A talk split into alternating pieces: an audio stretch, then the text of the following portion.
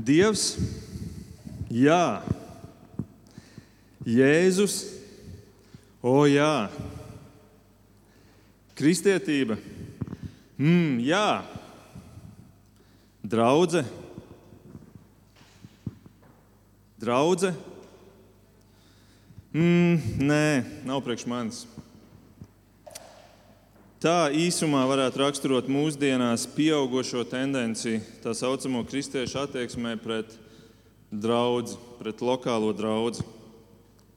Šodien katrs var klausīties svētdienas no mājām, skatīties dievkalpojumu video tiešraidēs vai vēlāk noklausīties audio podkāstus, kā pašam ērtāk, patīt uz priekšu tikai to, kas pašam interesē paklausīties to daļu, kura, kuru spēja noturēt savu uzmanību. Un tā nu šodienas ērtajā laikmetā katrs pats sev nosaka laiku, un vietu un daudzumu, cik es vēlos ņemt no draudzes.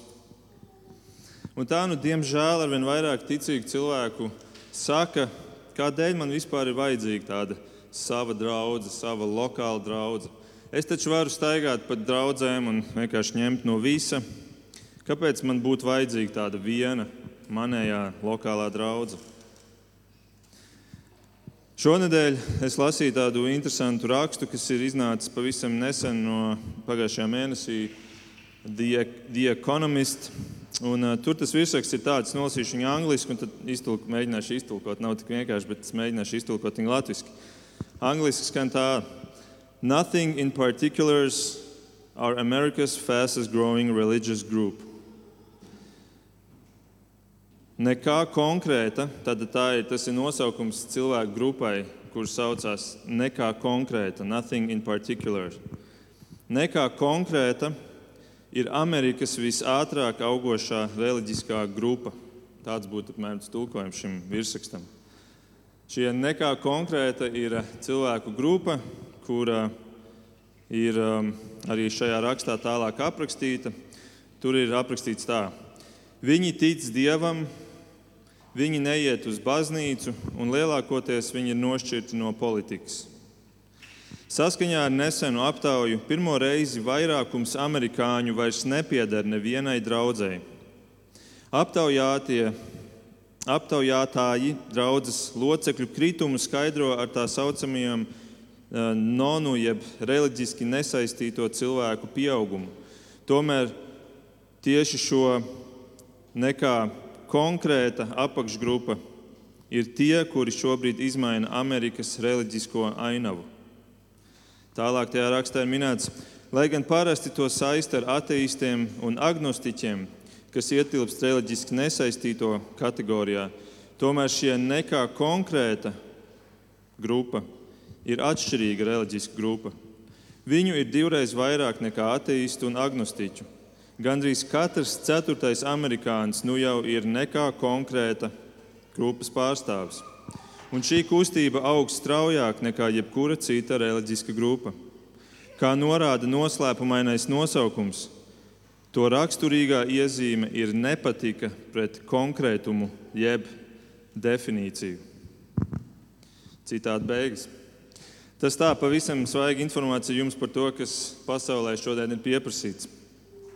Un redziet, uz visu šī fona sāk arvien vairāk, ja arvien pieņemamāka kļūt tāda nostāja, ka kristietim tāda sava lokālā draudzene nav vajadzīga. Un jāatzīst, ka diemžēl arī šī Covid-19 pandēmija nav šo visu tendenci bremzējusi, bet tieši pretēji to vēl pastiprinājusi. Bet es vēlos šodien šo domu, šo apgalvojumu, ka kristietim lokālā draudzene nav vajadzīga, nosaukt par mītu. Tātad mītu, ka kristietis varot iztikt bez lokālas draudzes. Un atspēkot šo mītu, vēlos aplūkojot Bībeles definīciju tam, kas ir kristiešu identitāte. Un, tam es vēlos izmantot raksturvietu, kuru mēs jau lasījām, Bībeles pantu, kā, kā to galveno raksturu iezīmi. Šo Bībeles pantu es arī šodien esmu uzlicis uz ekrāna. Un, tātad Šī ir Bībeles definīcija kristiešu identitātei. Protams, ir daudz vairāk pazīmju, bet mēs paņemsim no šī panta dažas lietas, kuras tieši raksturo mūsu attieksmi pret draugu. Kas tad īsti ir kristietis un līdz ar to vai tiešām viņš var iztikt bez savas lokālās draudzes? Labi, tātad vēlreiz rakstvieta 1. korintiešiem 12, 27. Un tā sākās ar vārdiem jūs esat. Tātad, ja, ja tu kaut kur dzirdi vārdus jūs esat, tas nozīmē, ka tā ir kaut kāda tava identitāte. Tas ir tas, kas tu esi. Tātad šī rakstvieta runā par to, kas mēs esam kā kristieši, kas ir mūsu identitāte. Jūs esat Kristus ķermenis un katrs par sevi tā locekļi. No šī īsā panta, jau tā īsā, es vēlos paņemt četras pazīmes un eh, varētu teikt, saskaldīt to pantu tādās četrās daļās. Un eh, katrai no šīm pazīmēm es piešķiršu īburtu, lai arī mums atkal ir vieglāk atcerēties. Tātad četras kristiešu pazīmes. Pirmā pazīme, un mēs varam izcelt eh, teikumu, kas ir teikums katrs par sevi. Tātad katrs par sevi mēs redzam šajā pantā ir minēts šāds, šāds uh, teikums, un, un mēs varētu teikt, labi, šī būtu tā pirmā pazīme. Katrs par sevi, angļu, angļu tulkojumā ir teikts individually. Tātad mēs varam teikt, jā, kristieša viena no pazīmēm ir individualitāte. Jā, tātad individualitāte tiešām ir viena no kristiešu identitātes pazīmēm. Tātad no vienas puses varētu piekrist tiem, kuri saka, es individuāli izdzīvoju savu ticību Dievam. Man nav vajadzīga draudzene, tikai es un Jēzus, un uh, viss kārtībā, individuāli. Savā ziņā mēs, mēs varētu piekrist, jo mēs redzam šo, šo daļu šajā teikumā. Un ar postmodernismu doma par cilvēku individuālismu ir kļuvusi ļoti populāra. Es lasīju kādu definīciju par postmodernismu, un, un uh, viena no tām skan apmēram šādi, ka postmodernisms savā esencē ir individualistiska filozofija. Individuālisti mudina īstenot indivīda mērķus un vēlmes, un tāpēc augstu vērtē neatkarību un pašpaļāvību. Viņi arī apgalvo, ka indivīda intereses ir svarīgākas nekā valsts vai jebkuras sociālās grupas intereses. Jā, tā tad ir visa šī postmodernā ēra, kura, kurā ir ienākusi arī mūsu sabiedrībā, mūsu rietumu kultūrā. Un šī postmodernā domāšana ir, protams, protams arī ielavījusies kristietībā. Un tā nu cilvēks, kurš sevi sauc par kristieti un saka, ka es individuāli izdzīvoju savu ticību Dievam. Šodienas ērā izklausās pēc ļoti saprātīga un normāla cilvēka. Tas ļoti labi iedarās tajā kopējā ainā, uz kādā mēs dzīvojam un, un uh, kur mēs katrs uh, cīnāmies par savām tiesībām un, un gribam būt uh, pēc iespējas neatkarīgāki. Un, ja vēl tad klāt pievienot to ļoti svarīgo patiesību, kur tiešām ir patiesība, proti, ka glābšana ir atkarīga no tavām personīgajām attiecībām ar Kristu, nevis tavas ģimenes, tavu vecāku, tavu reliģiskās eh, grupas vai vadītāju attiecībām ar Dievu. Ja? Piemēram, jūdaismā cilvēki domāja, ka viņi kā tauta, Izraels kā tauta, ieies debesīs. Nē, tiešām ir personīgās attiecības ar Kristu. Un, ja šo vēl pievieno klāt, tad šķiet, ka nu, kristētība tiešām ir individuālismam ļoti paredzēta un piemērota vieta. Jēzus taču teica, ieiet pa šaurajiem vārtiem. Šaurie vārti ir tā tāds turniketis, kur griežās un, un, un laiž pa vienam cilvēkam cauri. Šaurie vārti, šaurais ceļš, nu, ideāli nosacījumi individuālismam. Un tomēr, lai gan individuālisms kristieša glābšanas jautājumā tiešām ir svarīgs, tas pastāv, tam ir vieta, laicīgajā dzīvē, kristietībā, individuālismam nav vietas. Jo kaut arī šis teikums, kur ir teikts, katrs par sevi, ir minēts šodienas tekstā, šim teikumam tomēr ir turpinājums. Tādēļ lasīsim tālāk. Tālāk skan tā, ka tātad katrs par sevi, un tad ir teikts tā locekļi. Tā locekļi. Locekļi nozīmē daļa no kaut kā lielāka, vai ne? Un tādu mēs varētu teikt, otrā identitātes pazīme varētu būt, ka kristietim, jā, individualitāte ir svarīga, bet otra lieta ir integrācija. Integrācija. Kristietis ir paredzēts integrēties kaut kur plašākā mērogā, kaut kādā lielākā grupā. Locekļi nozīmē, ka tie ir kaut kādi savienoti, tur ir kaut, kāda, kaut kāds tīkls, kaut kāda grupa, kaut kas lielāks. Tu esi daļa no kaut kā lielāka. Un tā nu kristiešu identitātē individuālisms iet roku rokā ar integrāciju lielākā grupā. Es esmu Vīlandes draugs loceklis. Es esmu SIA Graphic Digital Design valdes loceklis. Es esmu Roškalnu ģimenes loceklis. Es esmu Ķelnes pirmā futbola kluba loceklis. Es esmu Latvijas Mākslas akadēmijas funkcionālā dizaina daļas loceklis. Un katrā no šīm pozīcijām es esmu loceklis, jo es esmu daļa no kaut kā lielāka. Parasti tas nozīmē būt lielākā cilvēku grupā, kurā tu esi viena daļa.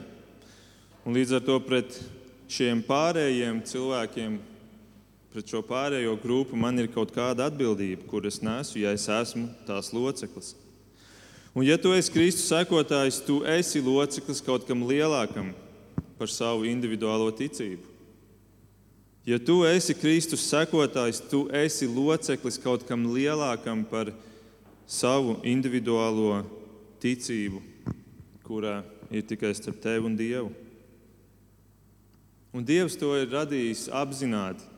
Un tas ir tik skaists izgudrojums, ko Dievs ir veidojis, kas sākās pašā pasaules sākumā ar Ādamu un Ievu, kur kur Dievs saka Ādamam, ka cilvēkam nav labi būt vienam, un tādēļ viņš iedod ievu.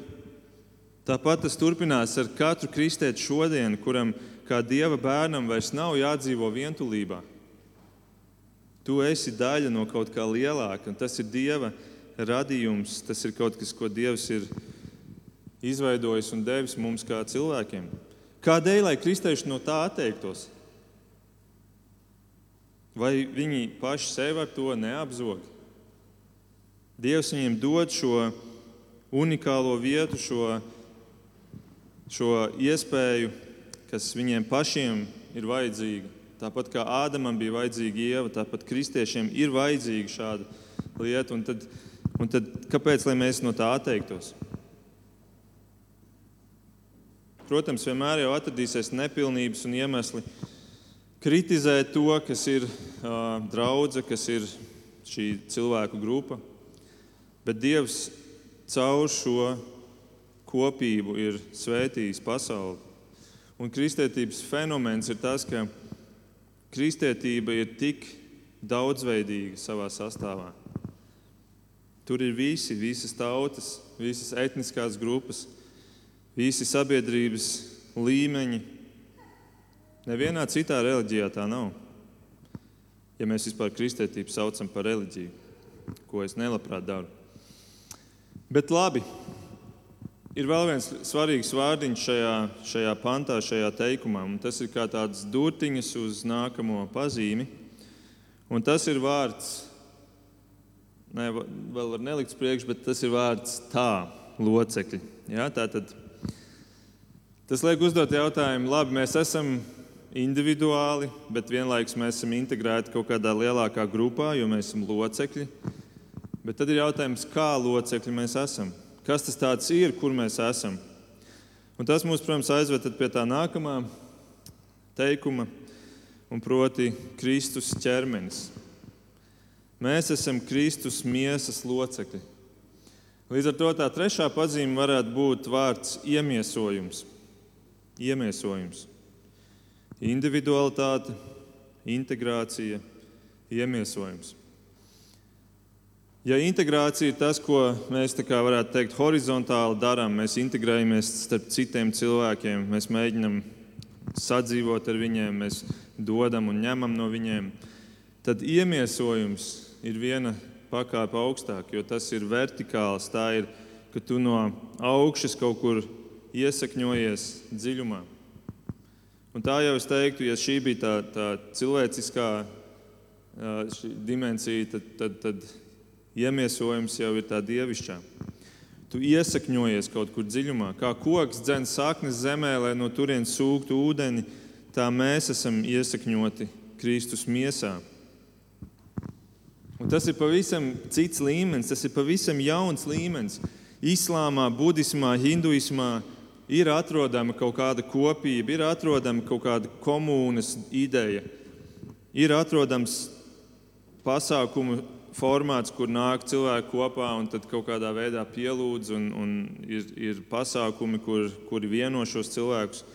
Bet tikai kristietībā, tikai kristietībā ir doma par miesu, par dzīvu organismu. Tikai kristietībā ir kaut kāds dzīves, vienots ķermenis. Un šī ir pavisam cita doma, cits līmenis. Tāda pat nebija jūdaismā. Tādas dimensijas pat nebija vecajā derībā. Vecajā derībā draudzene tiek salīdzināta ar, ar daudz ko, bet, ne, bet tikai jaunajā derībā ir šī doma par miesu. Ka būs kaut kāda jauna miesa, kaut kas dzīves, kas, kas vieno Un tā nu Kristus ķermenis ir draudzene. Kristus ķermenis ir organisms, nevis organizācija. Kristus draudzene ir organisms, nevis organizācija. Un, ja vēl kādam ir jautājums, vai tiešām ķermenis nozīmē draugu, tad ātri nolasīšu jums divas raksturvietas, kur tas ir pavisam skaidri pateikts Romiešiem 12.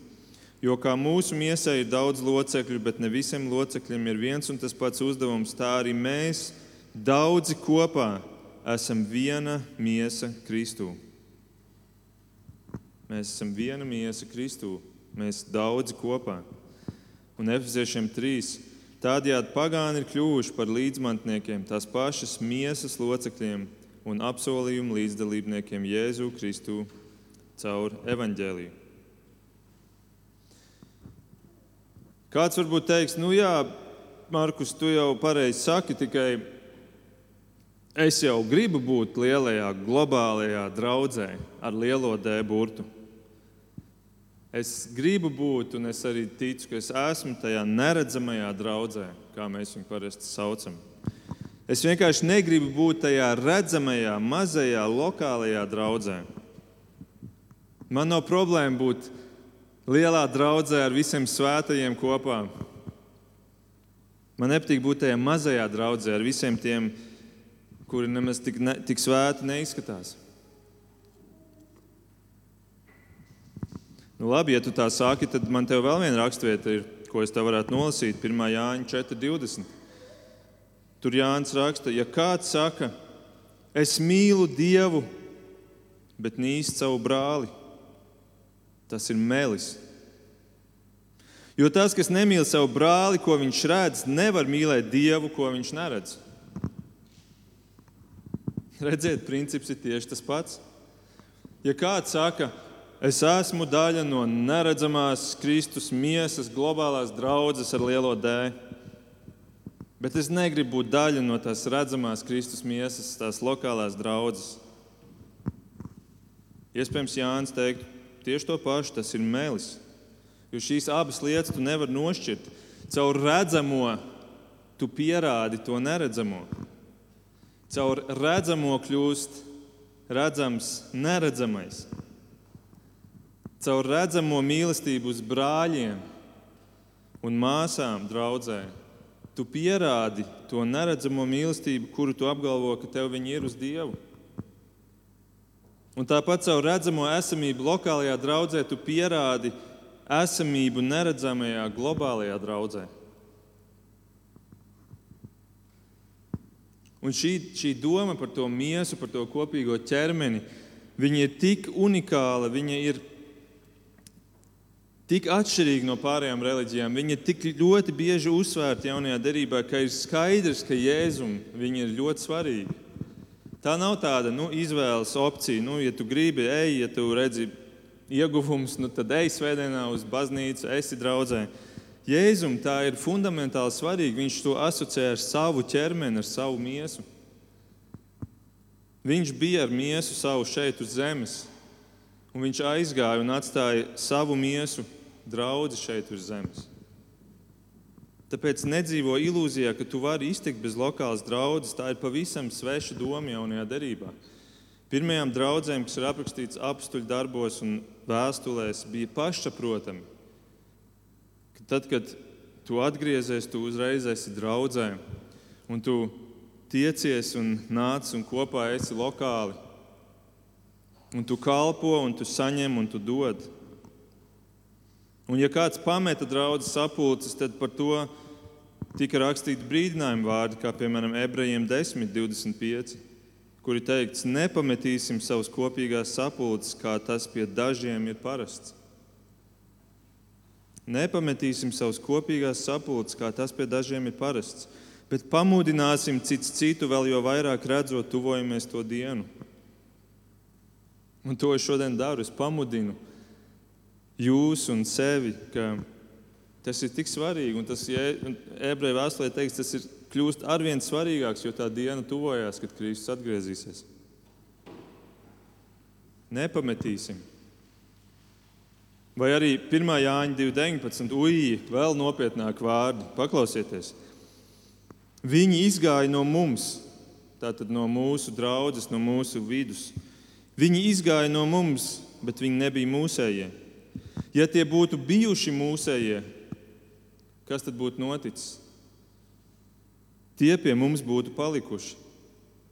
Bet viņi ir izgājuši, lai atklātos ka tie visi nav mūsējie. Redzēt, kāds ir acīm redzot izgājis no, no draudzes, par kuru Jānis šeit raksta, un kā, kā Jānis raksturo šādu cilvēku, kurš ir izgājis. Kā cilvēku, kurš ar šo atklāja ļoti baisu realitāti par sevi. Jānis saka, viņi nebija mūsējie. Viņi nebija daļa no mums, viņi nebija daļa no Kristus ķermeņa.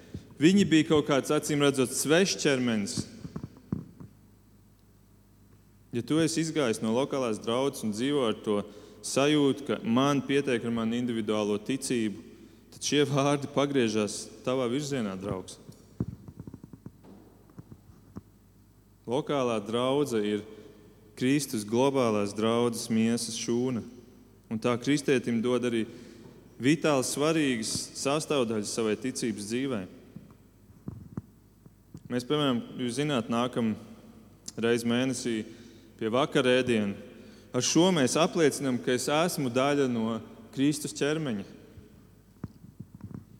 Tu esi tas, ko tu ēd. Mēs ēdam Kristus miesu. Es esmu daļa no šī ķermeņa. Es ēdu Kristu.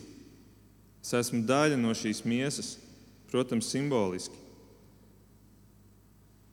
Bet redziet, svētais vakarēns, piemēram, ir tieši domāts lokālajai draudzē. draudzē. Tā ir ekskluzīva funkcija lokālajai draudzēji. Tu šo nevari darīt, ja tev nav lokāls draugs, ja, tā, ja tev nav sava draudzene, kurā tu esi. Un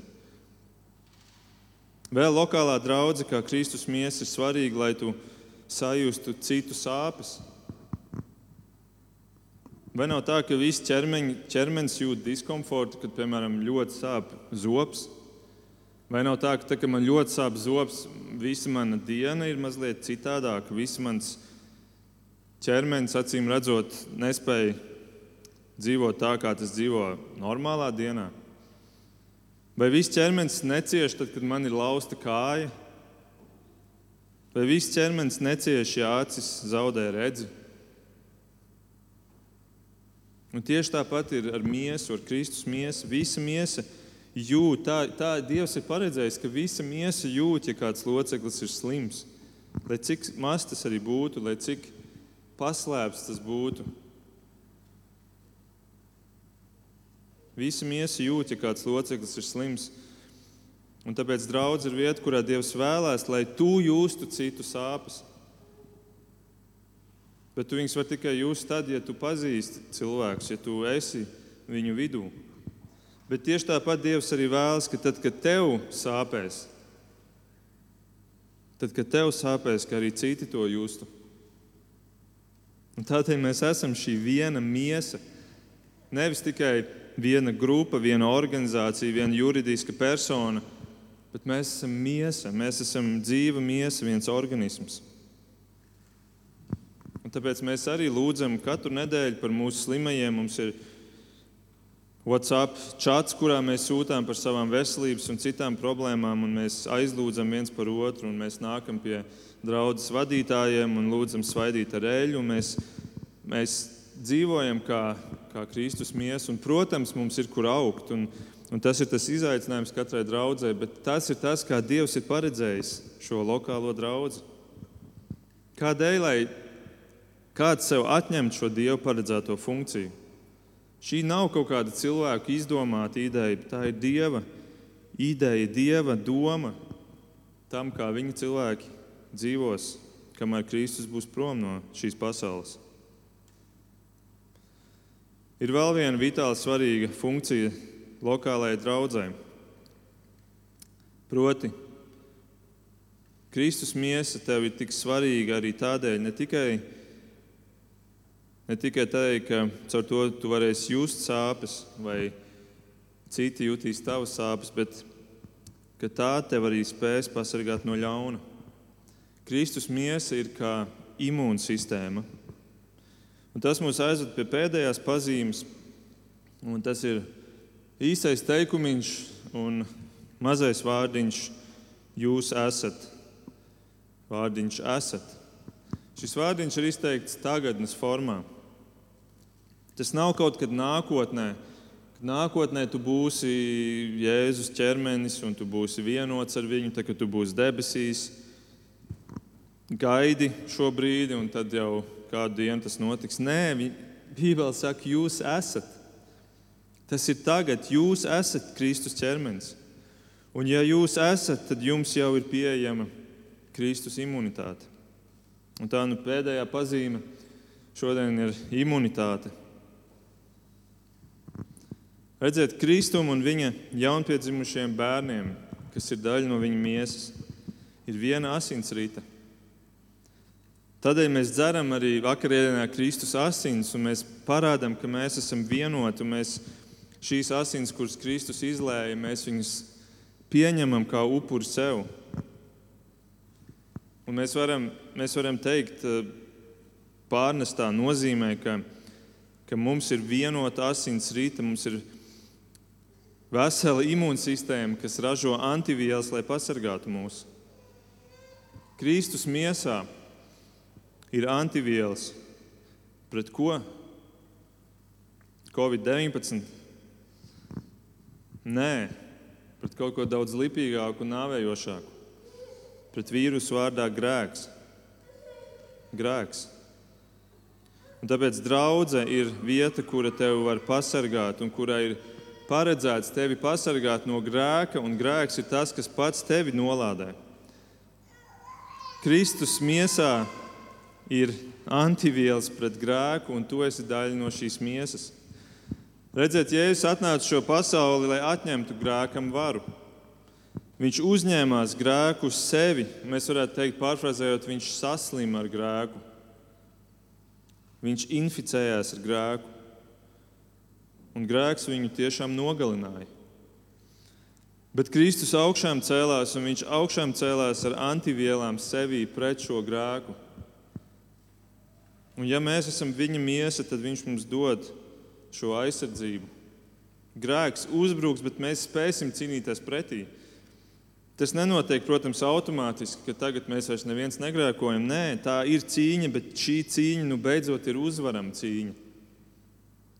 Ja tu esi Kristus miesā, un atkal es varu jautāt, kādēļ, lai tu no kaut kā tāda atteiktos, kādēļ, lai tu no Kristus miesas atteiktos, kādēļ, lai tu atteiktos no lokālās draudzes, kas ir daļa no Kristus miesas.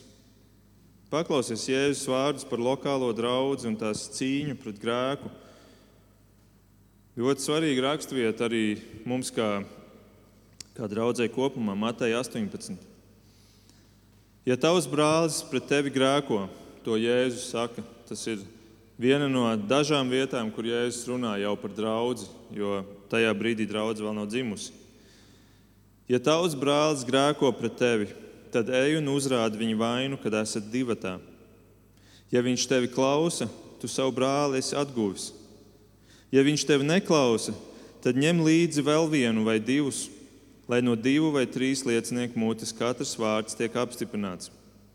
Ja viņš tos neklausa, tad saki to Kam?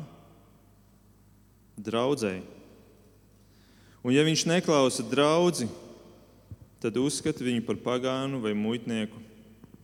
Citiem vārdiem sakot, izslēdz viņu no savas, sava, sava vidus. Redziet, tik svarīgi vārdi pret grēku, bet vai tu ieraudzīji, ka šo cīņu nevar veikt bez kā? Bez lokālas draudzes.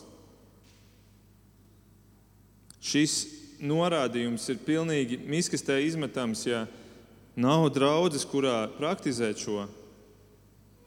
Tātad Jēzus noslēpums, šis noslēpums cīņai pret grēku ir iesakņots lokālajā draudzē. Un, ja tu to pametu, atsakies no Kristus dotā cīņas instrumenta, no šī ieroča, kuru Kristus ir paredzējis, viņš ir to iedevis Matei 18. kā, kā veidu, kā dzīvot veselīgu un, un svētītu dzīvi.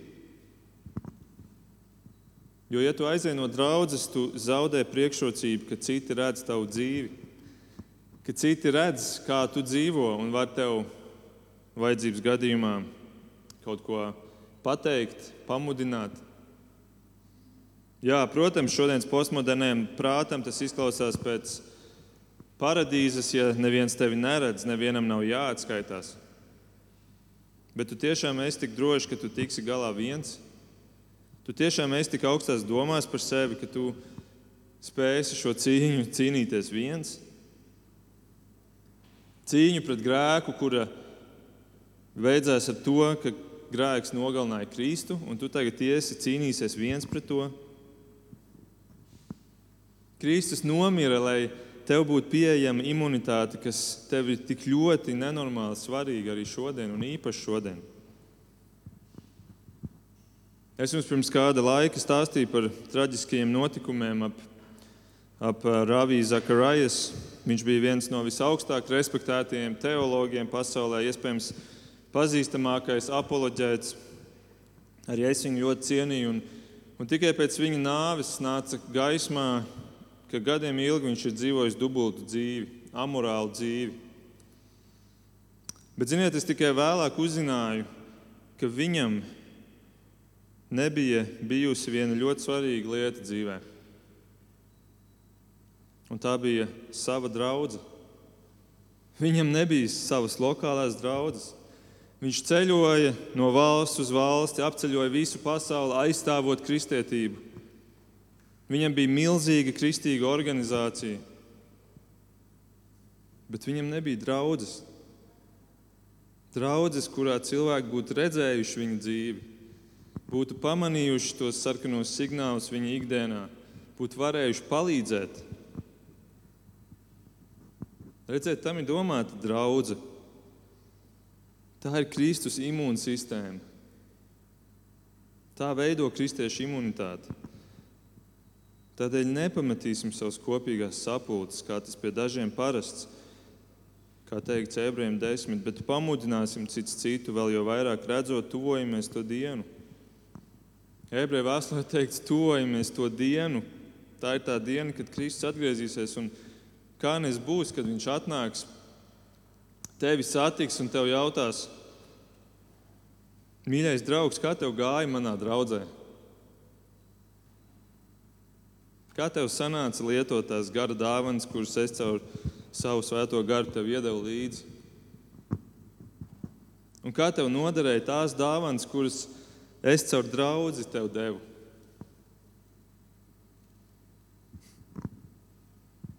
Un kāda būs tava atbilde? Jēzu, man nebija draudzes, jo man nepatika tur tie daži cilvēki, man nepatika tā mūzika, man ne, nepatika tās neizremontētās telpas.